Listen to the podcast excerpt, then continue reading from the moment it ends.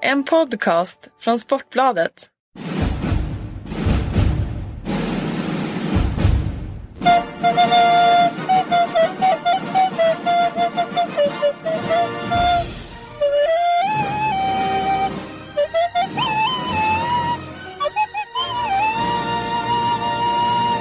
Då är Handbollspodden tillbaka med mig Johan Flink, men inte med Kent-Harry Andersson den här gången. Han är eh, och spelar golf nere i Spanien, tror jag att det är. Istället så har jag eh, passat på då att bjuda in eh, två, eh, två kollegor, kan man ju verkligen säga. Hur mycket Kent-Harry än vill vara journalist och, och flasha med något presskort så, så är han inte riktigt där ännu. Utan här har vi två, två riktiga journalister. Det är Marcus Löfström, Alingsås Tidning och eh, Kristianstadsbladets Patrik Nilsson. Välkomna grabbar! Tack så mycket! Tack ska du ha! Eh, då fattar ju alla vad det, vad det är vi ska prata om. Det är ju förstås SM-finalen. Det är ju finalvecka så det blir fullt fokus på SM-finalen. Innan vi gör det dock, som vanligt, vill eh, vi tacka vår eh, samarbetspartner Svenska handbollslandslaget AB som vill att ni ska gå och titta mer på handboll och landskamperna. Det stundar den 2 juni träningslandskamp för damerna i eh, Lund mot eh, Holland. Och sedan har vi ju förstås den stora kvalfesten den 14 juni på Hovet i Stockholm. Då Sverige möter Slovakien, herrarna, i sista eh, kvalmatchen till EM. Då ska det väl vara eh, det där, ja den är ju praktiken säkrad redan i enplatsen. Men det kan vara bra att vinna gruppen och eh, ha en eh, liten bättre sidning när det väl är dags för EM i Polen i januari. Eh, men framförallt den 14 juni så är det returen i VM-playoff mot Kroatien. Eh, damerna. Eh, och eh, ja, vi har några, några dystra eh, eh historier i hovet när det gäller kval. Så eh, se till att ta er dit och eh, heja fram våra killar och tjejer. Så, det var det. Och eh, nu, SM-final. Ja. Ja. Spännande. Mycket. Mycket, mycket, mycket spännande. Absolut. Ska vi, ska vi bara, vi sätter eh, stämningen eh, direkt här. Va, ni får tippa finalerna så vi vet vad vi, vad, vad vi har ja. Vad säger Marcus? Hur slutar herrfinalen? Eh, jag har eh, rotat djupt i min hjärna och kommit fram till att den slutar 24-26, alltså AK-vinst eftersom de står som bortalag i den här finalen. Förmodligen för att de eh, blir tvåa i serien va? Ja, precis. Yes. Och eh, Nilsson? Ja, då kontrar jag med att eh, Kristianstad vinner 22-19. 22-19. Han håller dem under, under 20 bollar där Lindgren. Ja, det är väl nyckeln till det där. Vi kanske återkommer till det. Att hålla nere Allingsås. Eh, lite närmare kanske ändå för riksmedia eh, presentation av eh, gästerna. Vi, eh, vi, nu tar vi det i bokstavsordning här, tänker jag. Allingsås tidning är då först. Ja. Eh, Marcus, ja. 35 år vet jag. Har jag tagit reda på. det är ett stort journalistiskt jobb så har du tagit reda på att det är 35 år. Ja, jag frågade här innan vi drog igång. och eh, du har jobbat på Alingsås Tidning hur länge då? Sedan 2008 har varit här på Alingsås Tidnings sportredaktion. Ja, och du är, ni är två och en halv sportreporter va? Eh, numera är vi faktiskt 2,25 efter eh, lite eh, tunga perioder här. Vi, det har eh, varierat lite grann, men just nu är vi 225 eh, procent då. Ja, okej. Vi går all in på... Jajamän. Ja. Det låter mycket bättre när jag säger det så. Ja, exakt, exakt. Mm. Eh, ni har ingen eh, sportchef så direkt? Eh, det har vi, eh, men eh, det är en kombinerad sportchef och redaktionschef i Claes Svensson. Ja. Men ni har, det... Ja precis. Men ni har ingen så som, eh, nu jag skulle göra en snygg övergång till Patrik här som... nej, ingen, ingen i Patriks roll har vi inte på AT-sporten. Nej. nej, ingen sån här given krönikör och sådär. Utan ni turas om lite och skriva, skriva de stora krönikorna och finalkrönikorna och sådär. Ja, den som känner att uh, den har bästa att komma med brukar... Uh, det brukar vara en sån där demokratisk process. Okej. Okay. Mm. Och Patrik, du har varit med lite längre. Lite längre. Eh, 1988 började ja. jag. 1 januari där på Kristianstadsbladet. Och innan dess hade jag varit på Norra Skåne i Hässleholm. Ja. Så. Min gamla lokaltidning. Precis. Eh, 51 år har jag också luskat rätt på. Stämmer det, född 64 ja. Ja, en av de berömda 64orna i svensk Exakt. Ja. Ja. eh, hur länge har du varit eh, sportchef då? Eh, sen eh, EM-slutspelet i fotboll i Sverige där 92 tog jag över. Okej. Okay. Ja. Och tänker köra ända in i kaklet? Eh, vi får väl se, men jag tycker fortfarande eh, det är roligt. Ja, kanske nästan roligare än eh, någonsin. Vi är ett eh, jäkla bra gäng. Då kontrar vi med att vi är 500 procent då ju. Ja. Fem heltidsanställda där. Och, eh, vi, vi brinner för det här tycker jag. Så att det, det är roligt att jobba. Det spelas ju, nu är ju, det är ju fokus på herrfinalen. Vi, vi snackade mycket damhandboll med Magnus Frisk i förra avsnittet. Nu tog han aldrig sig till, eh, till finalen ändå för det blir ju Sävehof till slut. Eh, som väntat någonstans i slutändan. När vi stod inför den femte finalen i varje fall. Eller femte semifinalen. Men eh, hur går det i, i damfinalen tror ni?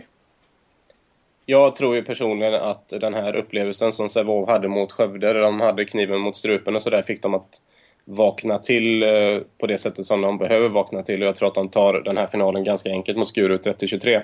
Mm. Patrik? Ja, jag, jag håller med Marcus här då ju att eh, Sävehof vinner klart. Kanske dock inte med 18 bollar som det blev eh, förra året. Men eh, en klar seger för Sävehof, det tror jag. Yes. Ja, det lutar jag också åt.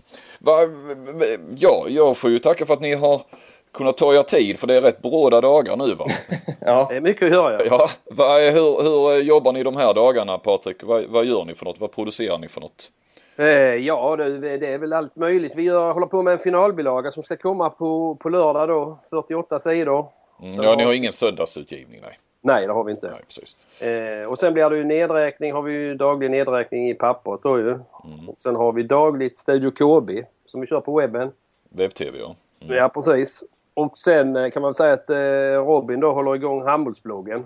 Mm. Eh, och sen eh, blir det mycket mer. Vi kommer åka upp till Göteborg redan på... Ja, vi är i Alingsås idag förresten. Och, och tar eh, stämningen där uppe. Ja, okej. Okay. Ja, och sen har vi, ska vi köra live från Göteborg från och med eh, lördag. Ja. Hur många är ni? Eh, hur många är ni i Göteborg då? Eller i alla fall på finalen? Vi blir eh, sex stycken då. Fyra reportrar och eh, två fotografer. Det är egentligen mer än vad ni är på sportredaktionen då egentligen. Ja, precis. Det. Ja. Ja. Vad, vad svarar AT på? Med? Nej, alltså, vi svarar väl att vi jobbar på eh, så mycket vi bara kan på precis samma sätt fast kanske med inte riktigt samma resurser då. Eh, vi, det är lite ja, vi... som det är på planen mellan ja, Alingsås och Kristianstad. Ja men precis. Det är väl trevligt att vi kan återspegla det på något sätt. Ja. Alingsås syndar. Ja. ja. det är det vi vill gärna tro att de har gjort med oss i alla fall. Ja, ja Marcus, vad gör ni för något? Jo, det blir en finalbilaga givetvis från oss också. Mm. Eh, sen eh, har vi eh, eh webb-tv, fast vi jobbar lite annorlunda. Vi kommer göra jag producerade en, en, film förra året om, om SM-guldet den gången och vi kommer göra något liknande nu, eh, fast förhoppningsvis i lite större skala.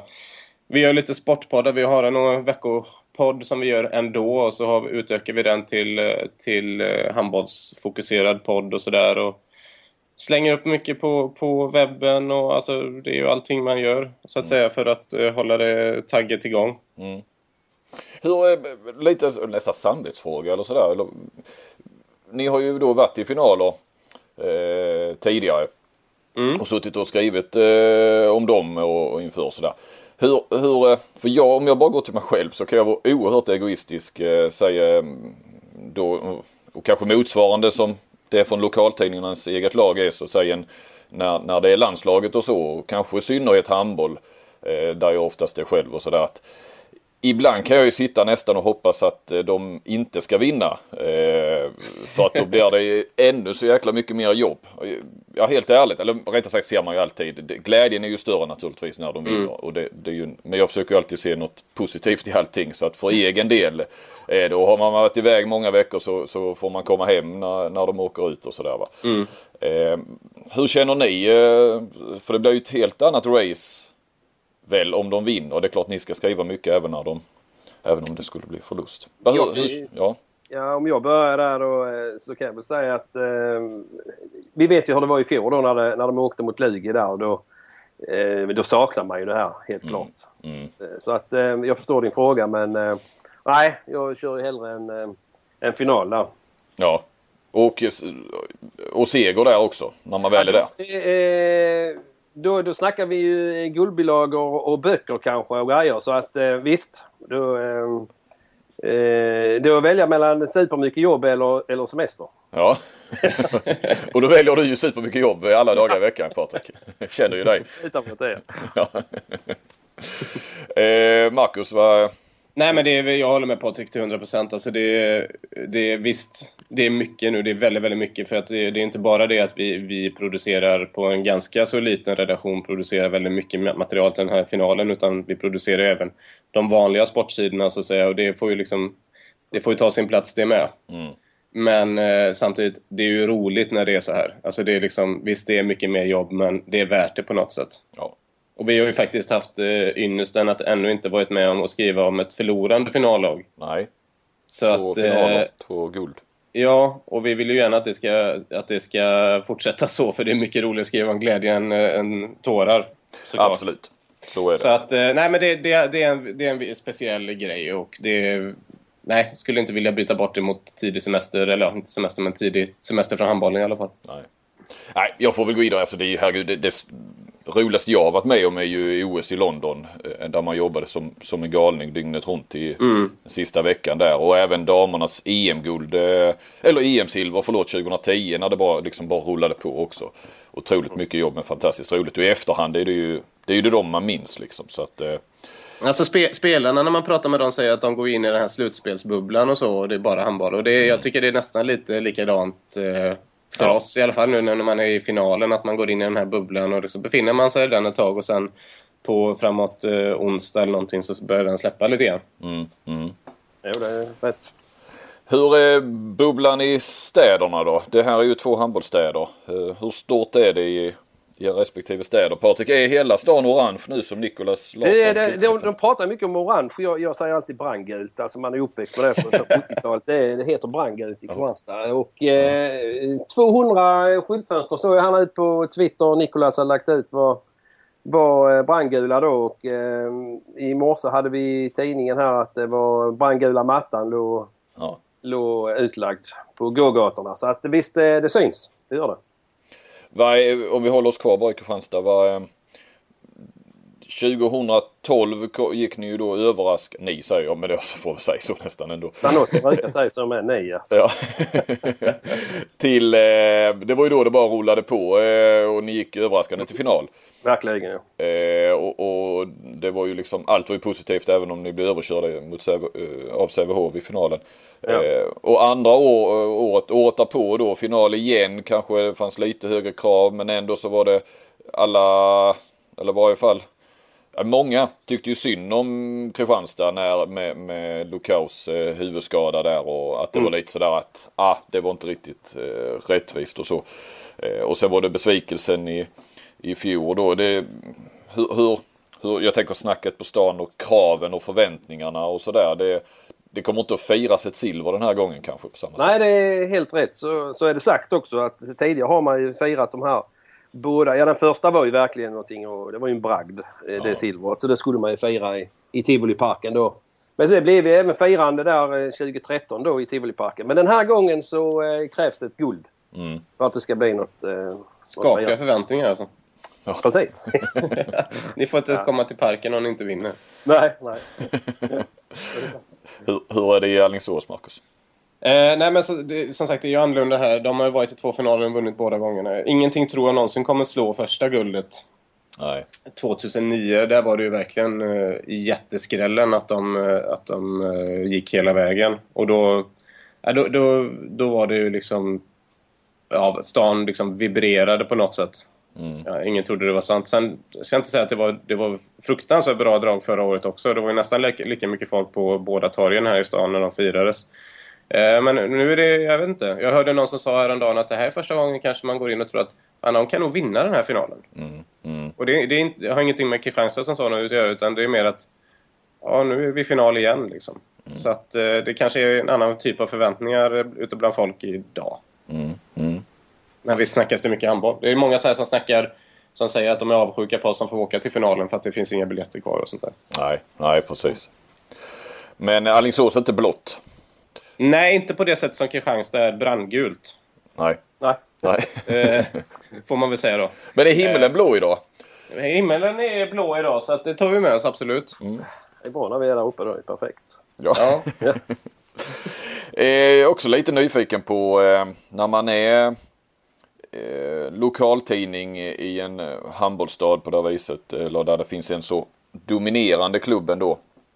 Eh, ni är beroende av dem på sätt och vis. Eh, de är, klubben är naturligtvis beroende av er, er tidning.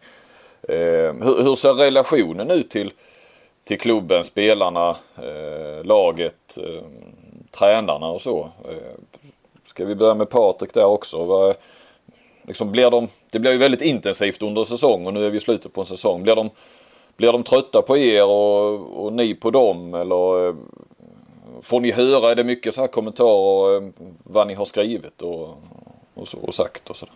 Ja, jag, alltså jag, eh, det är väl min personliga åsikt där. Men jag tycker att vi har ett bra arbetsklimat. Alltså en, det finns en distans mellan, eh, mellan tidning och eh, IFK Kristianstad. Det skulle jag verkligen vilja säga. Sen samtidigt så skriver vi när vi, när vi har något. Vi håller inte inne med saker för då vet vi att då sitter det hos eh, Johan Flink direkt eller sitter det där ändå för han är, han är vass, Flink. Ja, Men eller så, så snappas det upp av Kv- Kvällsposten. Så vi, visst har vi konkurrens alltså. Så att, eh, eh, det gäller att vara på tårna och eh, vi kan väl säga att det dyker upp sådana här känsliga ämnen. Vi hade ju nu den här överens, märkliga överenskommelsen som, som var det väl det senaste exemplet. Alltså då, då rotar vi mycket i det och, och eh, hörde oss för hur det kunde bli på det här sättet. Och sen har vi ju i år, den här säsongen hade vi ju den här Dan Beutler-affären också så att eh, vi skriver vi när det är både positiva saker och mindre positiva saker. Så, Vill Beutler fortfarande inte prata med er? så är det. Tyvärr. Vad, vad är anledningen? Ja, han blev sur på mig där. Så att, eh, För att någonting du skrev? Ja, eh, det tycker jag är lite konstigt. Alltså 300, efter 315 positiva artiklar så kanske en eh, negativ så tar man det beslutet. Så det tycker jag var lite dåligt. Ja. Men det är hans... eh, Så vill han ha det så så. Okej. Å andra sidan lär du inte behöva ha så mycket med honom mer att göra egentligen om du inte vill. Nej, han är, vi bor ju nästan grannar. Han bor Aj då! gatan bakom. Så. Men har ni träffats på gatan så att säga sen dess? Eh, nej, detta var innan det här kom ut. Så tre, det var så jag honom senast. Det var ju på, i affären här i byn. Men eh, sen har vi... Nu är han ju i Tyskland så att... Eh, Ja. ja. Men tror du om du stöter på honom i affären och så här, att- tror du att han skulle, skulle han undvika det då eller skulle det liksom, okej vi kan snacka nu men jag vill inte uttala mig i Kristianstadsbladet eller hur? Vad tror du? Ja, det, det hoppas man ju. Men jag, jag har ingen aning faktiskt. Det, men alltså då, han, nu ska han, ju, han är ju klar för Malmö så att... Eh, Mm, jag ska väl bo kvar ju. Ja, jag har inte hört något annat. Nej. Jag bor ju, bor där nu så att... Han har ju två barn och, som går i förskola utgår jag ifrån. Ja. Ja. Du, du, har, eh, du har pool Patrik va? Ja, Beutler också. Ja. Du kan inte, det går inte att gräva någon kanal emellan sådär. Helt Det plötsligt låter dyker som de två bästa grannarna i världen det här. Eh, vad säger du Marcus om eh, relationen till eh, AHK? Eh, nej men den är väl eh, som Patrik säger, man, man måste ju ha någon slags distans samtidigt som man ska ha en slags närhet också. Det är ju den här balansgången som man gör hela tiden. Eh, om man ser till liksom relationen till laget som sådant och spelarna så tycker jag den är väldigt bra. Jag menar nu har vi inför bil- bilagan här så har vi suttit liksom vi har bett om rätt mycket tid från några av dem att verkligen sitta ner i långa intervjuer och det har liksom aldrig varit några som helst problem. Nej. Det är liksom, jajamän, det fixar vi. Sådär. Jag, jag får en känsla av att från lagets del eh, och även från ledarna av Dennis Sandberg och Micke Franzén så, så de, de vet om värdet av media på något sätt. Mm, mm. Inte bara oss givetvis, utan all annan form av media. Men de vet om värdet i att liksom ställa upp och, och, och vara tillgängliga på något sätt. Sedan vill väl säkert klubben som sådan, de vill ju alltid ha mer bevakning, mer positiv bevakning. Titta vad bra vi är på alla sätt och vis. Så är det väl, det ligger väl i sakens natur, men det är ju ingenting vi kan liksom ta till oss. Utan jag upplever inte att vi har några som helst problem att skriva om känsliga saker. Det gör jag inte. Nej, jag måste ju hålla med Marcus här. När det gäller tillgängligheten så är ju Ola Lindgren är ju ett fantastiskt föredöme. Det vet ju du Ja. då Johan. Alltså, han svarar ju alltid alltså. När man, Ja. Och även om han säkert är trött på oss eh, emellanåt så, så visar han inte det utåt Nej. i alla fall. Så han är ju ja, ett föredöme där. Han svarar alltid i telefon och ställer alltid upp på intervjuer. Så att, Ja, Men ligger inte det lite grann i sportens natur på något sätt? Den, den, är, den är fortfarande så pass liten, eller vad man ska säga, så att, så att eh, öppenheten är... jo. är jo. bättre än i många andra sporter. Typ fotboll jämför man ju gärna med till exempel. Precis. Ja. Så, så är det ju. Absolut. Ja. Men jag, jag eh, tycker ju att, eh, jag vet inte, Ola får lite kritik ibland för att han är så tråkig och sådär och jag kan ju tycka mm. precis tvärtom. Jag tror inte att ni Kristianstadsbladet har beskyllt honom för det men jag vet att Kvällsposten har gjort det. Och, eh, det har jag svårt att se för att eh, då, då kan man inte ha pratat med någon allsvensk fotbollstränare till exempel. eh, jag tycker Ola är, jag menar bara man eh, liksom lyssnar lite eh, på vad han säger så säger han ju ofta, jag tycker ofta han säger bra grejer också. Han är ju oftast... Eh... Han är brutalt ärlig skulle jag vilja säga när ja. det gäller, du vet på presskonferenser så är det ju man behöver knappt skriva någon krönika. Det är bara att ta, citera Lindgren. Så. Ja precis. Så, kan, eh, jämför till exempel, jag har ju Henrik Larsson nu. Jag bor i Helsingborg och bevakar ju HIF och MFF mycket också. Mm. Och, och HIF har ju in, inlett rätt så knackigt va. Men, men Henrik Larsson sitter ju ändå där varje varje presskonferens och försvara sina spelare och, och, jag tycker att han drar det lite för långt för att det är ja. välbetalda proffs som har varit med i många år som mycket väl kan ta kritik och, och sen vet jag att Henke kanske känner sådär så fort han säger någonting så blir det stora rubriker. Ja men det, det, fick, det klarar eh, hans eh, mm. väl etablerade och meriterade spelare och, och då kan vi bara gå till Ola Lindgren som säger ju rakt ut att eh, och det tror jag är viktigt kanske inför eh, till exempel publik, fans Ja. Att, att, man, mm. att man är lite ärlig också eh, för att håller man hela tiden på att skydda då undrar de ju om man inte har någon eh, sjukdomsinsikt eller vad man ska säga. Ja, ja, ja. Precis, jag, jag, upplever i alla fall från AIKs håll återigen kring laget så att eh, de inser värdet av att, eh, att eh, komma ut, nå ut till, till fansen på något sätt. Att profilera sig själva. Mm. Men det är inte sagt att de känner att de måste bara ha ett positivt ljus på sig hela tiden. Men det är liksom på något sätt så att de vet om att om vi är med, tillgängliga, pratar ärligt och utan allt för mycket klyschor och sånt där så, så, så, bygger vi upp någon slags eh, relation till de som vill komma och titta på oss eller de som redan tittar på oss. Mm. Mm. Eh, så, så blir det liksom inte bara namn på ett papper om man säger så. Nej, Nej jag förstår. Marcus, sen har ju i och för sig, du började 2008, 2009 mm. blev det SM-guld och, och eh, ja. har, har det varit något för jag vet sen, jag ska komma lite grann till Kristianstadsbladet. Nu blir det lite slagsida eftersom dels har Patrik kanske varit med längre och jag har då en lite mer, jag var, tittade mycket på Kristianstad. Det är, väl, det är ju ingen hemlighet när jag var ung. Det var ju det närmsta elitserielaget jag hade. Jag hade kompisar som spelade där och så vidare. Mitten på 90-talet. Jag trivs i den skånska värmen så det är lugnt. Ja, men det jag skulle komma till. Har, har det egentligen varit något eh, så mycket negativt kring Alingsås att dra fram och sådär under de här åren? Jo men det tycker jag absolut att, eh, att det har varit. Eh, Robert Wedberg avgick ju eh, efter ett antal säsonger, framgångsrika säsonger och hans ersättare var Fredrik Simonsson, en, en tränare som han själv vet jag var med och, och så att säga rekommenderade för AK att ta över efter honom. Men det funkade ju inte alls med Simonsson. Han fick gå väldigt tidigt på säsongen efter ett, ett, ett knippe matcher där bara. Mm. Och det vet jag var väldigt känsligt och det drog vi ju fram i ljuset på ett mm. tidigt stadie. Mm.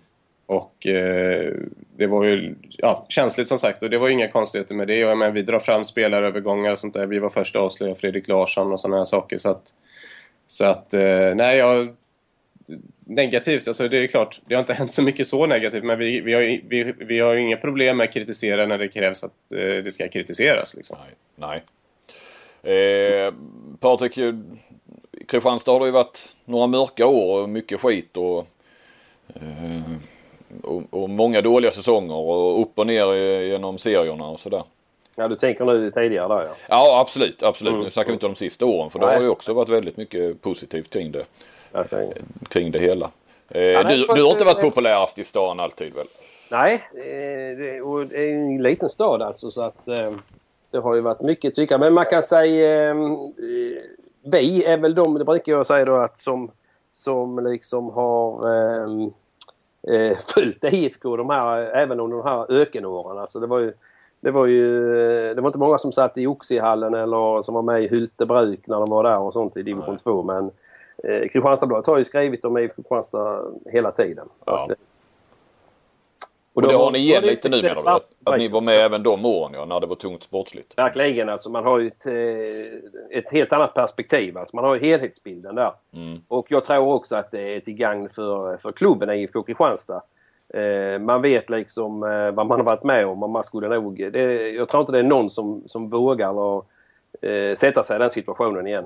Nej. Och det är ju, där har ju styrelsen alltså ett jättestort ansvar.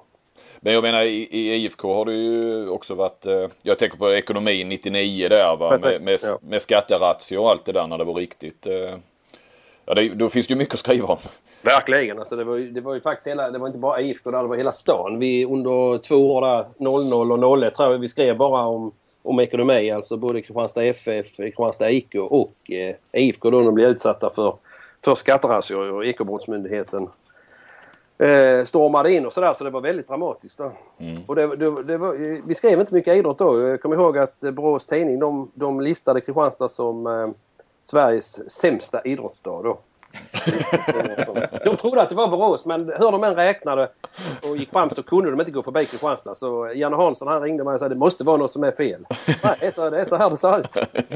Men eh, nu är det ju annorlunda. Så Borås Tidning ville egentligen få till att Borås Ja, var ja, sämst var ja. de- Det var de deras vinkel. sin vinkel klar alltså. Ja. Men det gick inte så de kom ner och gjorde studiebesök på hur jävla dåligt det var. Hey, I'm Ryan Reynolds. At Mint Mobile, we like to do the opposite of what Big Wireless does. They charge you a lot, we charge you a little. So naturally, when they announced they'd be raising their prices due to inflation, we decided to deflate our prices due to not hating you. That's right. We're cutting the price of Mint Unlimited from $30 a month to just $15 a month. Give it a try at mintmobile.com slash switch. $45 upfront for three months plus taxes and fees. Promo for new customers for limited time. Unlimited more than 40 gigabytes per month. Slows. Full terms at mintmobile.com. Har ni guckburk hemma? Bra, det var väl kanske lite kring, det, kring journalistiken och tidningarna och så i, i era städer. Eh, jag har ju bett er att, eh, nu får ni gå över till lite mer sportsliga. Att ta ut era All Star-lag i elitserien sett över säsongen. Eh, så vem känner sig manad att börja där då? Jag kan ta det om det är så. Ja, Där är det. Om du säger över säsongen, räknar vi in slutspelet här? Och det är ju den stora frågan egentligen. ja det gör vi.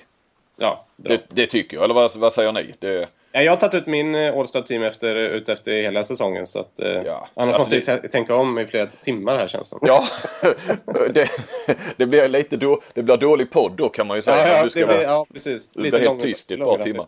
Ja. Eh, nej men det tycker jag. Det är så liksom, man kan inte blunda för slutspelet. Även om Nej. visst, då ju, har ju vissa eh, lag och spelare så, såklart större chans att, att påverka. Mm. Eh, men eh, man får göra en snygg avvägning där. Det har ni säkert gjort. Så att, eh, kör du Marcus. Mm, nej, på, i målet har vi Mikael Aggefors. Ja. Eh, Rickard Frisk, Frisk vann ju det över eh, grundsäsongen där, men eh, Aggefors eh, hemska form under slutspelet och eh, det faktum att han var bättre i slutet på grundserien tycker jag gör att han tar det. Yes. Eh, vänster 6, Charlie Sjöstrand. Mm, gammal AHK ja. Mm. Ja, en gammal AK, precis. Kristianstad spelar med ja. Och Kristianstadsspelare, ja. Ja, han är given. Ja. Nej, Charlie har haft en enorm säsong, inte bara framåt utan även bakåt. Han är en duktig försvarsspelare, så det tycker jag självklart. Mm. Eh, vänsternio, där velade jag lite grann. Jag kom fram till Lukas Nilsson till slut ändå. Mm. Eh, på grund av hans värde för, för sitt lag. Eh, mittnio... Vem, vem hade du där bakom då? Eller? Eh, ja, Jonathan Stenbäcken. Mm. Men eh, det har ju gått sämre för Jonathan efter skadan där och så, så att... Ja. Eh, Mittni är också svårt. Eh, Josef Pujol är lätt att säga, men jag tycker nog Jesper Konradsson, sett hur han spelat under slutspelet. Mm. Eh, han hade ett tungt slutspel förra året, men i år har han verkligen eh, höjt sig ett par snäpp och varit eh, bärande i många matcher. Höger 9, Pontus Zetterman. Ja. Ingen tvekan där. Höger 6, Christian Björnsen. Heller ingen tvekan tycker jag. Nej. Mitt 6, Atle Ingolfsson. Mm. En av årets absolut bästa värvningar. Men han var inte fasen, han började missa helt plötsligt i slutspelet. Ja, i slut, ja, precis. Så kanske man ska sänka honom där lite grann. Nej, jag, men, jag menar inte så, men han var ju, det var ju så, eh, ja, han har ju fantastisk eh, utdelning. Vet du det, ska, som säger avslutsprocent där eh, sen de Mm. Ja, sista matcherna. så hände det någonting. Men, ja, Han, han, eh, han, eh, Mikael Aggefors spökade ju för honom där i slutet. Innan dess hade han ett enormt övertag på i princip alla målvakter. Mm, Eh, och så har vi då försvarsspecialist. Där har jag faktiskt tagit ut Fredrik Thern. ja, Eh, för att jag tycker att han, han bara utvecklas mer och mer och mer. Eh, och har även blivit liksom, han har en roll att spela i andra fasen nu som han kanske inte haft tidigare. nej, nej precis. Ja, Nej då, jag har inga, jag har inga, jag vet inte riktigt. Jag har inte riktigt tänkt eh, själv färdigt faktiskt eh, kring, kring mitt eh, All Star-lag. Men jag kan inte säga att jag har några större invändningar. Det är de där namnen som absolut är med och, i mina tankar om jag skulle gå så långt. Eh, Patrik, vi river av ditt också. Ja, jag eh, kan bara konstatera att Marcus han kan ju handboll. Ja. Nej, det var, det var den enda, alltså det, den enda eh, positionen som vi inte har samma på det är ju faktiskt eh, eh, vänsternio då där jag eh, valde mellan eh, Lukas och Marcus men jag, jag tog Marcus då för att eh, hans VM-debut där. Mm. Ja. Och eh, jag tycker att han har, han har höjt sig ytterligare både bakåt och framåt. Han värderar lägena bättre framåt och eh, stabilare bakåt. Eh, och sen mittnio körde jag ju eh, eh, på Joll Mm. istället för Konradsson då. Sen eh, var ju Pujol eh, hade ju ingen eh, lysande matchserie mot Kristianstad. Inte. Jag tycker han var, hans felprocent i Ja. ja. Kristianstad var väldigt, väldigt hög. Det var, stämmer helt rätt. Men sen är ju eh, Bayern ett favoritlag och Pujol eh, en... eh, Ja, så han, han går in där. Ja. Annars i övrigt är det... Ja, sen är det försvarsspelaren också. Och där, där är det lite konstigt för där har jag eh, eh, Johan Jeppsson. Eh, Ja. Men då vet du Flink, han spelar ju aldrig försvar. Alltså i den rollen jag vill ha honom. För det vägrar Ola då. Ja. Det är bara de här matcherna som det, som det bränner till.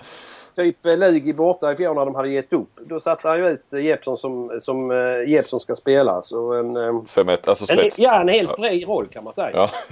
Han jagade ju sönder både Tingsvall och sen jagade han ifatt bollen och skrämde slag på halva laget där. Men då var det lite för sent. Ja. Så att jag tror ju Jeppsson i en Nisse Pettersson-roll. Alltså han hade, han hade slagit ut Pettersson där.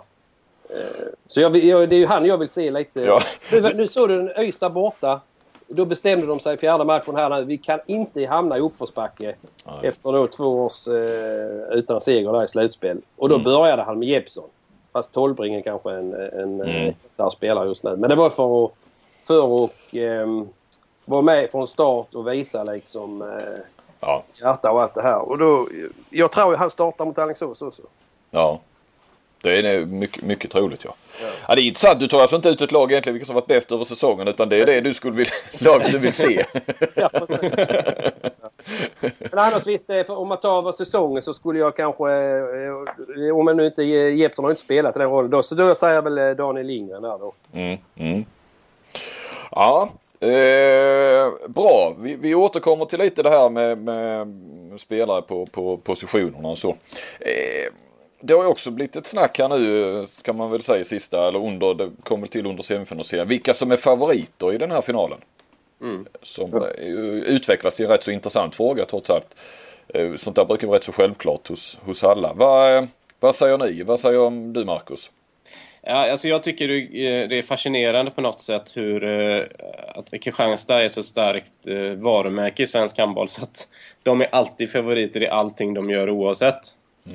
Eh, och, och jag tycker det på något sätt är det ju rättfärdigat med tanke på satsningen och, och alla de fans de har i ryggen och sådär. Men samtidigt så är det ju så att Alingsås har sex raka segrar i det här slutspelet. De är regerande mästare och har en hysterisk form så att det tycker jag gör att det är en 50-50 match. Jag tycker det är vidöppet. Eh, och det hade kanske varit fördel AK om inte det varit så att de haft det lite svårt mot Kristianstad i, i övrigt så att säga under Ja, de senaste serien, ja. säsongerna. Ja. Mm. Det är ju precis det du säger där. Så hysteriska formen den, den ställs ju då mot eh, inbördes möten och så där Mm. har ju Kristianstad ett, ett övertag. Och jag tycker ju mer, och tittar man på pappret så är det ju ja, hur många Alingsåsspelare jag vill ha in i Kristianstad. Det är, det är Aggefors definitivt. Men eh, eh, ja, så Konradsson kanske då. Men eh, sen har ju Kristianstad landslagsspelare på alla positioner. Mm. Faktiskt. Mer eller mindre.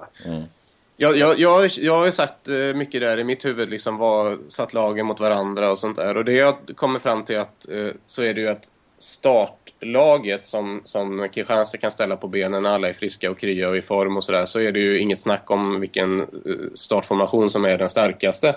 Nej. Men jag tycker att det finns en bredd i Alingsås som inte Kristianstad har och den bredden menar jag att de har möjlighet att byta ut en, ibland till och med två spelare på en position och inte få en kvalitetsförsämring i det spel som de vill spela.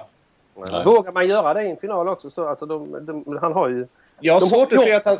Alltså jag har svårt att se att eh, Franzén Sandberg ändrar på det konceptet eh, så. Alltså det vore jättekonstigt att helt plötsligt börja liksom, nu ska vi köra på de här killarna så får ni andra kanske komma in. Ja. Sen att de inte byter på klocka kanske efter en kvart att Max Darr får sätta sig och Bergendahl komma in, det, det är väl en sak. Mm. Men, men det som har tagit dem hela vägen till sex raka segrar, det är ju bredden. Verkligen. Det är just det att de har kunnat kasta runt liksom. Och även alla, de har alltid haft någon som gått in och levererat det spel som de vill spela liksom. Ja.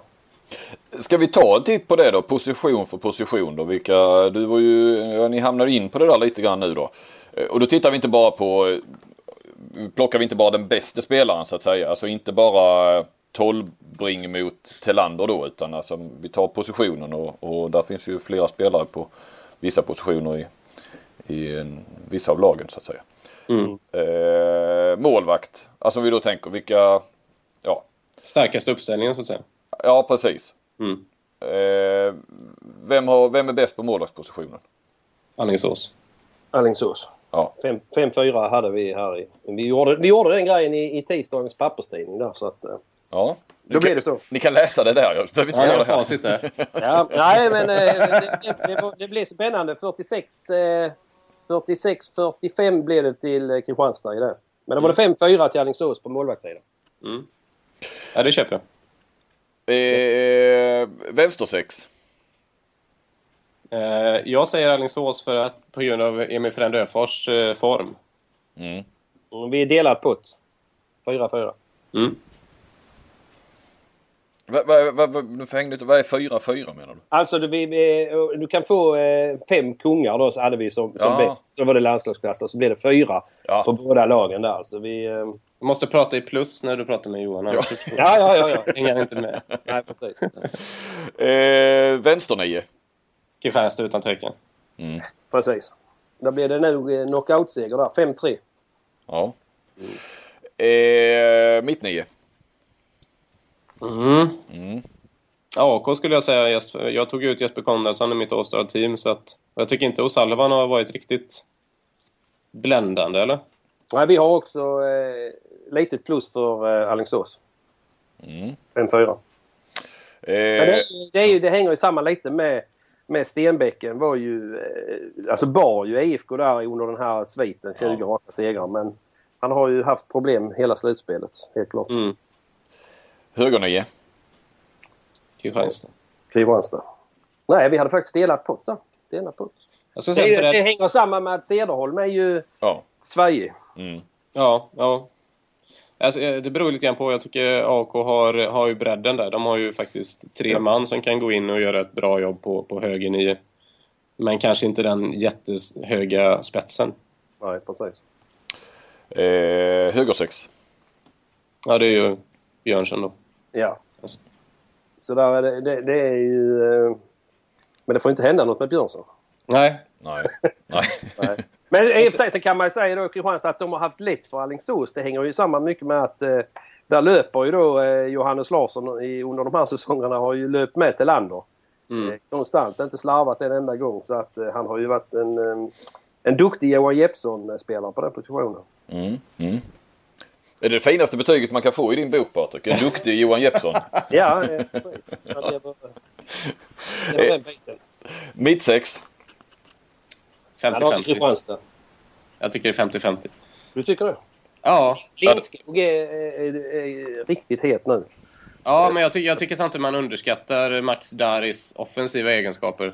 Och eh, eh, Oskar Bergendahl, eh, han glider med lite i kölvattnet där, men han är faktiskt en jäkla goalgetter. Han missar inte många skott när han väl får läget. Nej. Nej. Eh, försvarsspelare. Alltså försvarsspecialist då. Inte, inte hela försvarsspelet utan.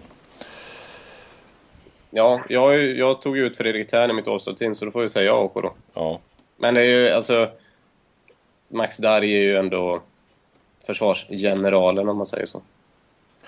Kristianstad har ju en hel brandgul mur alltså när det funkar så att eh, Mm. då, det, då är det ju det är många spelare där. Alltså det, ja, du såg mot Ystad. Mm, mm.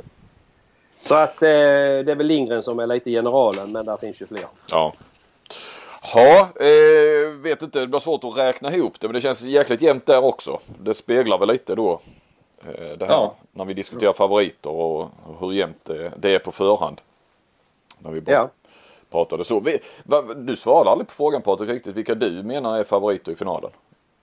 Jo, alltså jag menar ju att eh, Kristianstad är knapp favorit. Alltså. Det, det tar jag ju då på, på eh, spetskompetenserna. Så att de har ju landslagsspelare på, på alla positioner och sen att de har haft tämligen enkelt för, för Alingsås i, i eh, heta möten. Och, eh, eh, sen får man ju då ställa det lite mot formen och den, är, ligger ju, den har ju Alingsås. Så att eh, det kommer säkert bli jämnt. Ja, vi, vi har ju en match i matchen också på läktarna. Mm. Förmodligen kanske den eh, häftigaste läktarmatchen med risk för att jag mm, glömmer någonting här men den liksom Jag har svårt Det att se att någonting kommer kunna konkurrera med det som är på söndag faktiskt. Ja. Så, så vet jag eh, Hammarby hade en fanta- alltså just men att det är två jämnstarka lag där. Vilket Jag ju faktiskt... var ju eh, Ja. i- i Globen 2009 då när Alingsås också vann. Då var det ju också ett eh, rött mot blått kan man säga. Mm. Duell i alla fall där. Men sen har ju Hammarby vunnit på no- eh, VO de flesta, de tre åren när de var med. Och sen var det ju Kristianstad hade ju ingen match mot rått där utan eh, detta kan väl bli en, en häftig duell. Ja och sen har det varit Sävehof då med både damer och herrar rätt mycket utan att de Mm. kanske har riktigt... Ah, de... Det kan man väl tycka att eh, Sävehof eh, genom åren borde haft en, en större och bättre publik kanske. Det är först nu när det gått lite tyngre som Kamikazes eller vad det nu heter Ja. har vaknat till liv. Ja, eh, på gott och ont får man väl Ja, att säga. exakt. exakt. Eh, ja vad säger ni? Vi pratar ju väldigt ofta och mycket om, om Kristianstads publik. Eh, men det känns som att Alingsås kommer, blåljus kommer att kunna matcha södra kurvan. Ja, alltså det enda, det enda de kanske inte kommer matcha det är nog mankraft. För att jag har ju förstått det som att eh, när SM-finalbiljetterna släpptes här för ett antal månader sedan så var det väldigt många Kristianstadsbor som drog en rövare och räknade med final helt enkelt och köpte biljetter redan då. Mm. Eh, Det är väl säkert många som är i Alingsås som gjort det också men de kanske inte kunnat räkna med final på samma sätt. Så jag tror att rent liksom, siffra för siffra så tror jag det är lite övertag Kristianstad men men om man ser liksom bara supportergrejen så kommer det bli en jäkla fight. Men vad blir det från Alingsås? 3000 eller? Ja, vad har vi, eh, vad har vi för siffror där? Det senaste jag hörde var två, två, två sålda via officiella håll i AOK. De har ett tåg chartrat ner som tar 600. Ja, men tre räknar jag med, minst. Det är ändå halv hemmaplan så att Mm. det är nog väldigt många som tänker att eh, ja, men nu kan jag åka för att det var ett Stockholm och Malmö innan liksom. Eh, precis. Vad, vad säger, eh, vad säger du Patrik? Vad, vad blir det från Kristianstad? Ja, vi hade ju snack med Södra Kurvan där på webb-tv. Han drömde ju om 5000. Nikolas har pratat om 3,5 men ja, drygt 4 tror jag i alla fall. Ja. Jag, jag, jag pratade faktiskt med, vad heter han, Pontus Henriksson i Södra Kurvan Mm. igår. Ja. Han sa 6000 om inte mer. Han har redan börjat i dubbelt. Ja, ja.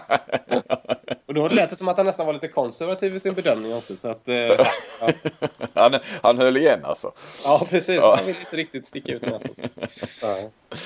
Vad eh, säger ni om eh, en final kontra bäst av fem? Eh, Ola Lindgren och Johan Jeppsson sa ju direkt när jag pratade med dem efter när finalplatsen var klar att vi hade tjänat på bäst av fem och vi tycker att det nog skulle vara bäst av fem. Det är väl någonting som man alltid kan diskutera naturligtvis. Men eh, nu när jag har jag i podden, vad säger ni? Ja, jag, jag tycker det är en jättesvår fråga som jag själv har, har brottats med faktiskt. Vad, vad tycker jag där? Men jag tycker att man skulle börja med att sno från bandin. Eh, och låta damerna spela dagen före. Mm. Det blir kanske inte så många då på läktaren tänker ni där. Men eh, ja, jag vet inte. Men eh, att jag tycker att herrarna skulle få ha en, en egen dag där. Alltså precis som, som bandin har det. De har ju bara en final också men då, då spelar ju damerna dagen innan där. Så hade det, så hade det blivit ännu häftigare här i, eh, i finalen nu på söndag. Inte en helt politiskt korrekt åsikt Patrik kanske men det är ju härligt att Absolut du... inte. Nej. Jag tror att vi skulle börja där och sen får man, eh, sen får man se eh, hur det blir. Om man då ska gå över till att spela fem matcher istället. Jag vet inte. Jag, jag ser ju redan rubriken. Jag ska ju alltid skriva Mm. text kring eh, eh, podden för att eh, lansera den på nätet. Så jag ser ju redan rubriken framför mig. Eh, ge, ge herrarna en egen dag. Tänker mycket i rubriker. Eh, Ja det gör man väl gärna. eh, ja. Men, men vad menar du att, lite ändå. Stjäl damerna eller liksom att, eller rättare sagt. Ja det gör de alltså. De, får ju, de har väl fått 1700 biljetter var då va? Skuru och... Eh, kanske inte Ja. så många. Men det, var, det är väl ändå en, eh, ett antal tusen som har tilldelats dem. Och det, det kunde ju gå till då Alingsås och eh, Kristianstad. Ja för nu blir det kanske inte fullsatt på herrmatchen heller. Damerna, Nej, det, det brukar det ju aldrig vara- vara men. eh, Nej, jag såg du efterlyste det. Ska det nu äntligen vara fullsatt eller? Ja men jag blir bara så här, det är alltid sånt, Ja. det, det säljs så jävla många biljetter. Ja och sen sitter man där ändå och så, så så jag fattar ju också problemet att sälja till två matcher och man är bara intresserad av den ena och sen går man hem eller kommer man Ja. lite senare. Det, det, jag, är inte dummare än så men ibland så blir det liksom åh, det som byggs upp. Alla bara ser de fullsatta arenorna. Så Men du, sitter, du kan ju själv titta nu. Du vet, har du sett ut med dammatchen? Där, de här människorna de sitter ju antingen i puben. Ja. Eh, som Alingsås fans kommer, har väl hyrt någon pub i Göteborg nu och Kristianstad eh, kommer väl också att sitta på någon pub. Alltså, de, de är ju ändå inte på dammatchen så att... Eh, eh, jag tror man skulle kunna börja där. Samtidigt skulle ju damerna hamna kanske mer i skymundan också. Ja, Jag tror, jag tror att det skulle bli en enorm mediaskugga för dem. Jag, jag personligen tycker inte att man ska dela upp den. Jag tycker det är en, en fräsch, eh, annorlunda grej som handbollen har. Eh, att, att de kör båda två på samma dag. Innebandy gör det också va? Ja, ja, precis. ja men det, det är just det att det, annars är det liksom med sådana här slutspel. Då ska det vara över fem matcher och det ska vara fördelat damer och herrar. Men nej, jag, jag, jag tycker det är... Jobbar, jobbar bara, man bara med det ännu mer och liksom lyfter damhandbollen under säsongen i övrigt så att säga. Så till slut så tror jag det, liksom, det kommer sluta med att det kommer bli en enorm fest över två matcher liksom. Jag tycker det är synd att ge upp det liksom. Jag Ja. tycker det, det damhandboll ska få mer utrymme och eh, det här är ett bra sätt att ge dem det liksom. Kristianstad handboll får väl gå till final. Eh, Ja, så, damerna alltså. så, så byter du åsikt. eh. Så byter jag åsikt. Ja. AK-damerna gick upp i ettan i år så att det, de är på gång dit de är då. Ja, Eh, Marcus, vad säger du om en final kontra fem? Bästa Nej, fem? alltså, jag, jag tänker lite egoistiskt här på något sätt. Eh, och jag, det kittlar ju med en final. Jag tycker det gör det. Alltså, jag tycker också lite grann det kittlar med att... Det blev mindre jobb också för oss eh, kanske. Ja, precis. Så vi, var inne på det. Ja. Ja. Nej, men jag tycker det är lite grann... Eh, I teorin i alla fall så innebär det dessutom att eh, lagen har samma förutsättningar. Alltså det är ingen som har någon hemmafördel och sådär utan de har gjort sitt jobb fram till och med semifinalen och sen möts de på, på lika villkor om man får säga så i en final och avgör vem som är bäst. Jag tycker det är, nej, jag tycker det är lite häftigt. Det är lite... Inte riktigt samma som Final Four men det är ändå liksom en, Och- en match avgör allt. Fråga Gunnar Blombeck vad han tycker om det där. 20 Jag tror att Gunnar har väldigt mycket att säga om väldigt många olika saker. Men när det, var- när det var Hammarby-Skövde tänkte jag på det 2007 i Ja. Ja. Ja, men precis. Ja, men det är ju, jo, men det är ju lite grann så. Alltså, nu, nu blir det ju lite halv hemma, hemmafördel. Eh, Alingsås just för att det är Göteborg och så här. Men samtidigt hade kanske gått... Eller, nu var, ja, Lugi hade ju i princip halv hemmafördel förra året. Så att, ja, nej, jag gillar det. Jag gillar det på något sätt. Det här är väl ingen gurkburk? Eller? Eh, vi går vidare. Kristianstad och Alingsås eh, är väl stormakterna just nu i, i eh, elitserien. Det får man säga. Mm. Vad ligger bakom att era respektive klubbar är där de är idag? Vad, om ni får lyfta fram någon eh, nyckelhändelser, eh, nyckelpersoner. Ja, ni får lägga ut texten. Eh, Vem känner sig manad att börja? Jag kan eh, börja om det så. Jag, eh, det, det är flera olika nycklar liksom. Det beror på lite grann hur långt bak man vill komma. För jag menar, AK var ju lite av ett jojo-lag ända sedan de gick upp i elitserien där i slutet på 90-talet. Mm. Men sen när de blev liksom cementerade som ett elitserielag och började klättra uppåt så är ju den en väldigt stark nyckel Robert Wedbergs intåg i föreningen. Mm. Eh, när han kom in så eh, förvandlade han laget och föreningen på något sätt. Han, han skapade en, en vinnarmentalitet. Han satte försvarsspelet först och så trycker vi på allt. Laget före jaget. Vi satsar på unga och formbara spelare istället för dyra avdankade göteborgare som åkte pendeltåg fram och tillbaka. Liksom. Mm. Och sen tror jag att han, eller det vet jag, att han, han, han gjorde ju mer än bara vara en tränare under sin tid. Det, liksom, det som Robban gjorde där genomsyrade föreningen. Och det, är liksom det, och det säger Micke Franzén och Den Sandberg ofta, att de, de jobbar med det som Robert Wedberg satte fast i väggarna Ja, på sin tid. ja. Och sen är såklart bygget av Estrad nästa nyckel för att ta föreningen in i en ännu större dimension. Liksom. Mm. Så, och eh, så ska man väl nämna Teddy Nordlings ankomst till föreningen för det var ju trots allt han som på ett kan man säga, sköt upp dem i elitserien från första början.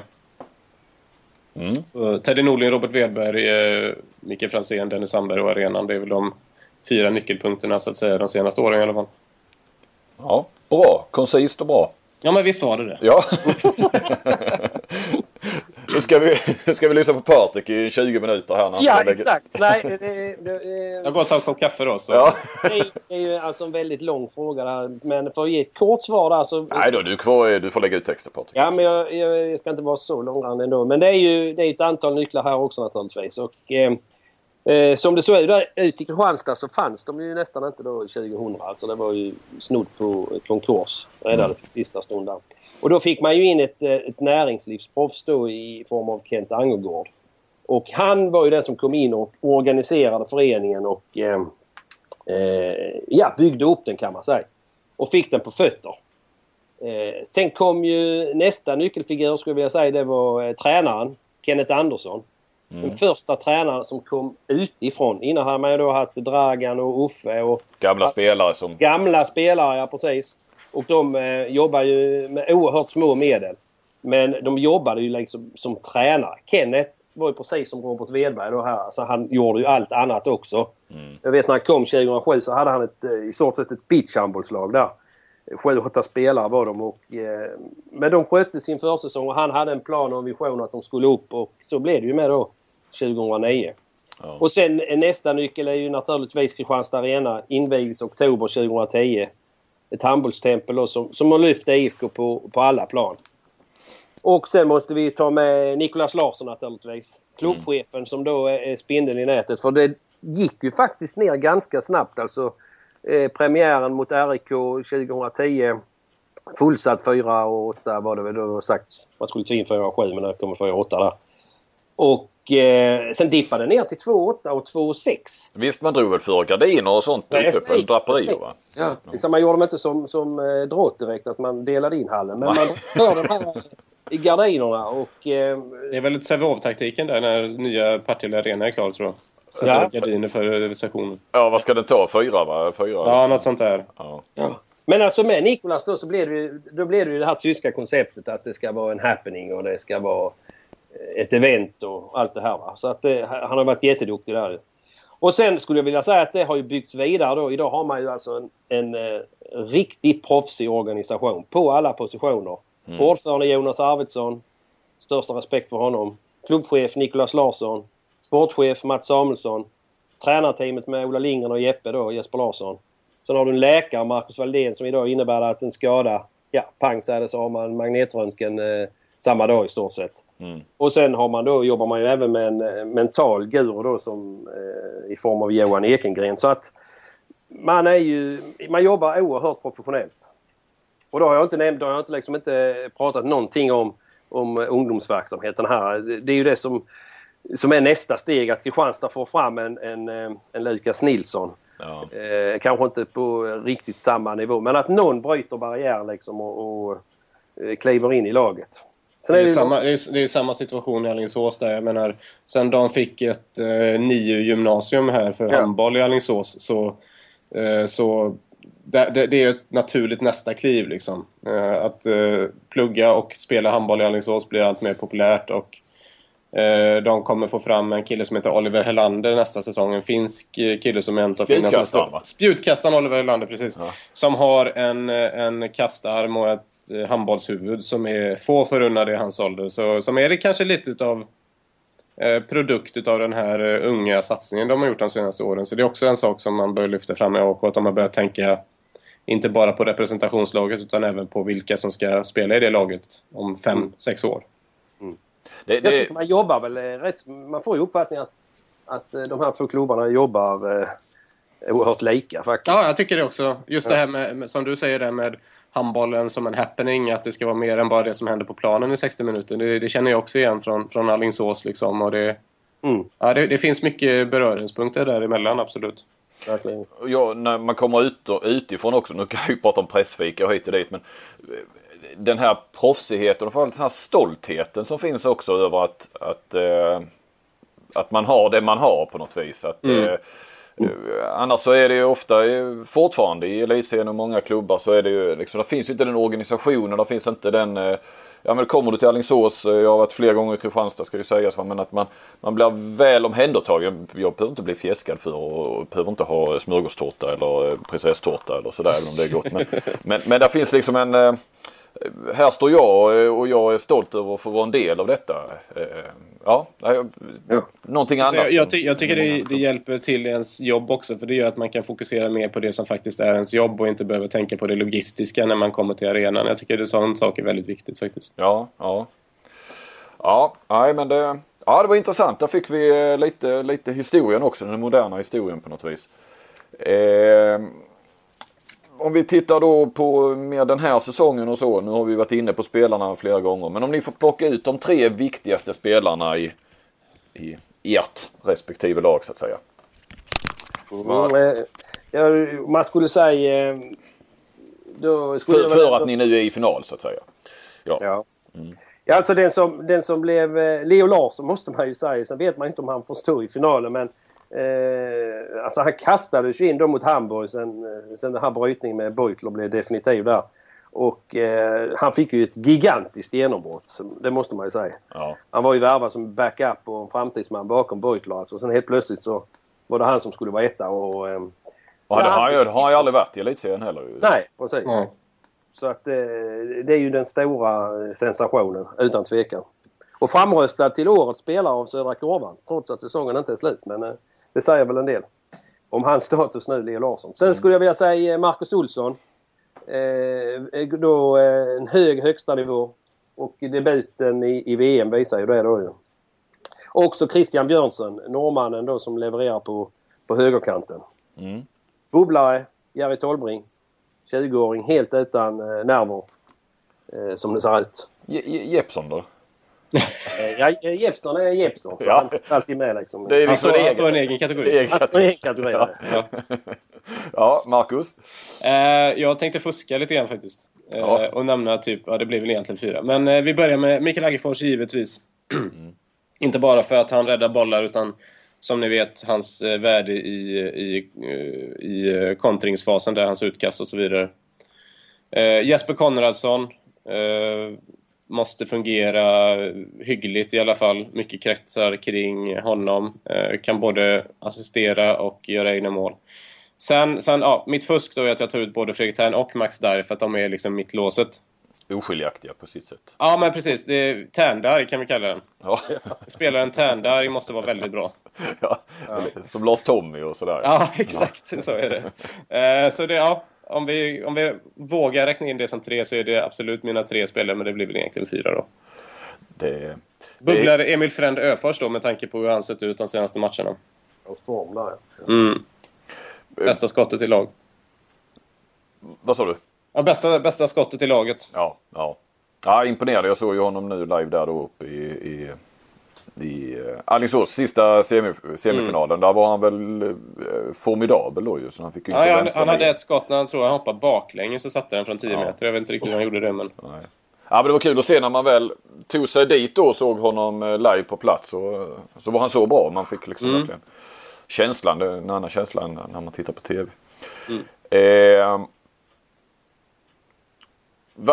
jag tänkte bara, vi pratade om Jeppson och Dai. Vad, vad, tror ni? Är det där eh, överspelat det som hände i, i vintras, höstas? Ja. Ja, det verkar så på spelarna själva i varje fall. Ja, ja. Jag tror inte, både de är så... Jeppson och Dari har varit med så pass länge så att de vet att det där är sånt som händer på en match och så släpper vi det sen. Och så är de ju kaptener med så att de måste ja. ju någon form av... Men jag tror inte det kommer ha någon påverkan överhuvudtaget på finalen. Faktiskt. Men det kan väl brinna till i huvudet på dem i, i en final? Det kan, det kan du göra. Mm. Men det kan du kunnat göra även om det där, den här grejen i Estrad inte ja, hade hänt. Liksom. Absolut. Ehm, och sen har jag ju bett er titta lite historiskt också. Ehm, respektive klubbs tre största eller bästa, det kan ni själva känna för, i, eh, spelare genom tiderna. Mm. Mm. Det var lätt val. Det var lätt. Jeppson etta, tvåa, trea. nej, nej, nej. nej. nej du, här, har vi, här har vi traditioner här så det var... Det är, det är ingen äh, enkel uppgift det, men äh, det är nej, lite det är kul. Mm. Mm. Va, du känner dig manad att börja känner jag Patrik. Ja, det kan jag göra. Eh, då har jag ju gått lite på, på meritlistan. Eh, och då blir det... Prispallen består då av eh, Marcus Alm, åtta ligatitlar och, och eh, tre Champions League med Kiel då. Eh, togs ju fram av Dragan Mihailovic. Skolades om där från eh, 9 meterspelare till mittsexa. Han hade för dåligt skott. nämnas. Ja, precis. Stämmer. Eh, och sen eh, Åke Moberg. Dubbel världsmästare pratar vi 50-tal. Tre SM-guld i Kristianstads storhetstid på 50-talet. Och en, eh, en riktig lirare. Det har farsan berättat det där sista. Jag var inte med där. Nej. 50-tal. Eh, och sen var det, får vi väl ändå en liten personlig favorit. Eh, det är ju eh, Lennart Ebbinge. Ja. Spelade OS i Los Angeles 84. Vann fyra SM-guld. Dock inga med Kristianstad. Totalt 77 landskamper. Stor artist. Både på och utanför plan. Mm. Mm. Bubblare har jag tagit eh, Bo Tjommen Ahlberg. Det är väl eh, den man förknippar med det största eh, IFK-hjärtat. då. Han är mest spelaren. Eh, 222 matcher i högsta serien, 926 mål. Sen finns det ju ett helt gäng till. Ja. Ja, ja. Nej, men, Där har du prispallen där. ja, jättebra. Bra Patrik. Vad, vad säger Marcus? Ja, det blir lite mer moderna val för mig. Mest för att... Eh, ja, eh, AK bara funnits sedan 73. Ja. Ska vi komma ihåg. Ja. Och, och har inte varit ett elitserielag så himla många säsonger. Men om vi börjar med plats tre så tycker jag ändå Mikael Aggerfors ska vara med där. För att han har varit en eh, sån återkommande stabil pjäs i så många år ända sedan han kom. Han skrev på på ett hotellrum på finaldagen 2009. Ja, så var det så. Ja. eh, så var det. Christer Hellström, Hellas, eh, satt på ett, på ett eh, hotellrum där och skrev på. Ja. Med eh, Tumba-målvakten Aggerfors. Ja. Eh, sen så tar jag med Glenn Andersson. Eh, inte den bästa spelaren som AK har haft genom alla tider på något sätt. Eh, men det största hjärtat kanske. Och eh, har något sätt varit personifieringen av det som jag pratade om innan. Det här med Robert Wedberg, laget för jaget, försvarsspelet först, kämpa i 60 minuter och lite mer. Mm. Och som sagt, eh, han är, han är ju fansens favorit också. Har ju fått sin tröja upphängd i estrad och sådär. Så att det är svårt att, att, att komma förbi Glenns betydelse för laget tror jag. Mm. Mm. Och den bästa spelaren genom alla tider i AK, det är ingen tvekan om att det är Teddy Nordling. Nej. Är- Finländaren som, som värvades till, eh, till säsongen innan, slut, innan elitserien. Eh, var fantastisk redan då och har liksom... Han har burit den här föreningen på sina axlar i så många år ända fram tills han la av. Det är synd och skam att han inte fick uppleva ett SM-guld under sin, under sin tid i Alingsås. Mm. Ja, bra Marcus. Mm. Eh, nu tittar vi tillbaka lite och nu tittar vi framåt. Eh, hur ser det ut till nästa år? Kommer er respektive lag bli bättre eller sämre? Kommer ni vara i final nästa år också? Final är ju svårt att svara på. Men eh, jag skulle nog säga att AK kommer se eh, lika bra ut. De- Det händer väldigt lite i Alingsås trupp. Det enda som händer, och det tycker jag personligen är ganska synd, är att Johan Fagerlund lämnar för Sävehof då. Mm. Eh, och jag tycker det är ett tungt tapp för att han har egenskaper som, som inte bara är unika i hans lag utan på många sätt är unika i elitserien. Jag tycker det är en väldigt smart värvning av Sävehof. Eh, så där, där kommer han tappa lite, men samtidigt kommer den här unge killen Helander och de har skrivit eh, kontrakt med resten av truppen så att den kommer vara liksom oförändrad. De kommer kunna jobba vidare, se ännu större utveckling på de här unga killarna som kommit in och redan varit duktiga liksom. Sen om, de, om AK står i en final nästa år, inte, tror jag inte bara har med AK att göra utan även på hur de andra lagen rustar. Det är ju väldigt många som, som visar intentioner här, inte minst i Skåne. Du tänker på Ystad till exempel kanske? Ja, men precis. Det är svårt att bortse från att Kim, Kim kommer att spela i Elitserien nästa säsong. Mm. Och Lugi, nu när Axnér kommer tillbaka, de vill ju inte göra... Eh, de, vill, de vill ju nå final igen liksom. Och de har ju ekonomiska muskler om de skulle behöva det. Ja. Ystad kommer, vara en ny, kommer komma in i en ny arena och sådana saker. Så att det... Nej. Eh, finalen har, hänger inte bara på Alingsås, men visst har de potential att vara i final nästa år igen, utan tvekan. Vad säger Patrik om Kristianstad? Där är det Ja. inte truppen klar ännu. Nej, där händer det betydligt mer än i Alingsås då ju. Eh, Så att det är ett nytt bygge som ska genomföras. Och ehm, eh, att det är ett, att det är ett topp 4-lag eh, det kommer de ju definitivt att vara. Men eh, final, nej det, det är svårt att, att säga det. Alltså man, eh, förlusten av Marcus Olsson är ju en, är ju en förlust. Riktigt stor förlust. Sen vet man inte, Inge Ås Eriksson då, en talang från Norge ju. Mm. Eh, Rickard Harnisch kommer in där. Eh, stannar Stenbäcken. Ja. Troligen inte va? Troligen inte nej. Då är man, ju- då, I så fall skulle man ju vara riktigt på plus. Och sen är ju då nya högernio blir ju eh, Marcus Dahlin och Lagergren där. Så det, det är jättemycket som händer. Och så ny målvakt in också ju. När Dahl då försvinner. Så att, eh, Är det klart för att Cedron kommer gå eller? Eller är det bara eh, klart? nej, nej det är inte Men det är 100% att han kommer lämna i alla fall eller? Nej, nej, nej. Inte heller. nej. nej. Så du har en bred och stor 9 meters uppställning. Nästan, eh, eh, nästan större än Alingsås. Ja. Om vi tittar ännu längre fram då. Vad är, på mer sikt kommer Kristianstad och Alingsås eh, fortsätta och kanske då, kanske inte ska använda ordet dominera så som, som eh, man har gjort den här säsongen. Eh, men eh, och vara med där absolut där uppe och, och där det, man kan snacka final inför varje säsong i varje fall. Ett, en tänkbar final. Eller vilka, kan, vilka ser ni som, som utmanare?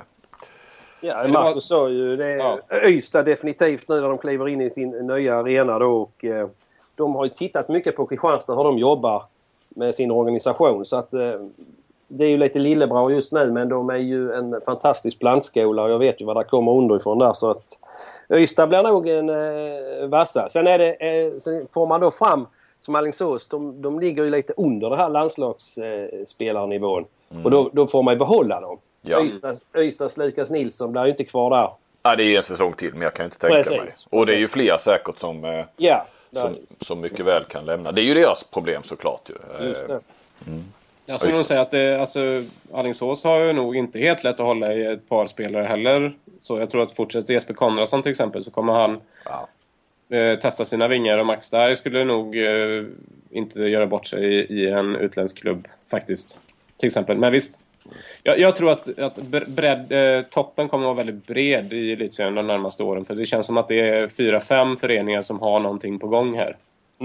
Vilka är det mer då än de vi har sagt? Ystad, Ja, men eh, Lugi har ju alltid någonting på gång känns det som. De, kan, de har ungdomsorganisationer, de har ett lag, ett, ett spännande A-lag som man kan göra någonting ännu bättre av och sådär. Och Kanske inte riktigt eh, uppbackningen av publiken alla gånger i, i biblioteket men det, det får de väl jobba på helt enkelt. Ja. Men på sikt måste väl, eh, måste väl Sävehof också eh, hitta tillbaka. Ja, men precis med den nya arenan är ju, är ju, kan ju Sävehof bli ett riktigt eh, vapen igen. Men jag tycker de, de, de, eh, de har lite att jobba på fortfarande. Liksom. Det, det såg vi inte minst den här säsongen. Nej. Men de har, väl, de har väl ekonomiska muskler? Jo, men det har de ju. Ja. Men, inte, men, eh, men ingen utav, eh, av lagen i, här i väst känns det som att de kan matcha de ekonomiska muskler som, som finns nere i Skåne. Nej. Nej och sen är ju frågan lite vad, vad Sävehof eh, vill också på något vis. Ja, Så exakt. Det känns som det skulle behövas eh, någon form av nystarta nästan. Eh, Ja, men jag tror att det är så, det är så lite grann också faktiskt. att eh, Hur långt kommer de med, den här truppen de har just nu? Nej, de hade ju samma lag som förra säsongen och det blir ju ännu sämre. Ehm, och sen har de ju sina sådana här satsningar då ändå som de gjorde ju satsningen på herrarna i Champions League-satsning då med, med vad heter han, Kent Robin Tönnesen och Fredrik Larsson va. Och sen så har det ju varit damerna nu de har satsat rätt så mycket på de sista två åren. Så att, eh, det, Ja, men det finns ju en, de har ju fördelen av att de, de bor eh, x antal mil närmare Katrinelundsgymnasiet än vad Alingsås gör till exempel. Mm. Eh, Där väldigt många lovande unga lirare har plockats upp till eh, Sävehofs organisation genom åren. Så är det. Eh, För, framför näsan på till exempel RIK då. Ja. Så att eh, där, där har ju de en, en, en liten sån konkurrensfördel. Guif då? Inte de närmaste åren. Nej. Nu, fick, nu skrev ju Viktor Östlund på för två nya år här, så att... eh, Ja, det Det var överraskande. Ja, det var väldigt överraskande. Men jag tror att det... Eh, ja, när de kliver in i den nya arenan, de kommer ju få stå och vara i exil en säsong. Så att, frågan är hur de hanterar det. Ja, de kommer inte att kunna, det har jag inte riktigt fattat. Nej. De kommer inte att kunna spela i verkligen, varken i gamla eller nya hallen då. Nej, utan de kommer, de kommer få hitta ett annat alternativ Ja, under ja. säsongen innan den nya hallen är färdigbyggd. Ja, På grund av hela den här överklagningssoppan. ja precis. Ja, ja det blir ju intressant det också. Ja. Bra, du, nu har vi pratat länge och ni har ju mycket annat att göra. ja, de säger det. Ja. Men eh, så jag tycker vi tar och, vi tar och rundar av. Eh, innan vi gör det helt så kör vi en sväng till med Svenska handbollslandslaget AB. Som eh, vi gör den här podden tillsammans med. och eh, som eh, påminner om eh, damernas eh, träningslandskamp mot eh, Holland i Lund den 2 juni och kvalfesten på Hovet i Stockholm den 14 juni. Eh, köp biljetter och gå och titta på handboll. Eh, det är ju kul med handboll, eller hur? Mycket. Ja. Eh, tack ska ni ha och den här podden gör väl, eh, vi, vi, kan ju inte, vi kan inte avsluta den här säsongen med ett avsnitt utan Kentari så att eh, vi får köra ett comeback-avsnitt med Kentari här. Eh, så får vi se om vi kör det redan nästa vecka inför Champions League eller vi, vi eh, Final Four där. Eller om vi väntar in på eh, landslagssamlingen där som väl börjar veckan därpå. Men det är en senare fråga. Eh, stort tack för att eh, ni var med. Ja, Tack tack, själv. tack. tack Jätteroligt. Ja, och så ses vi på söndag. Ja, det gör vi. Ja, det är bra. Tack ska ni ha. Ja, Tack, tack. Hej. Tack.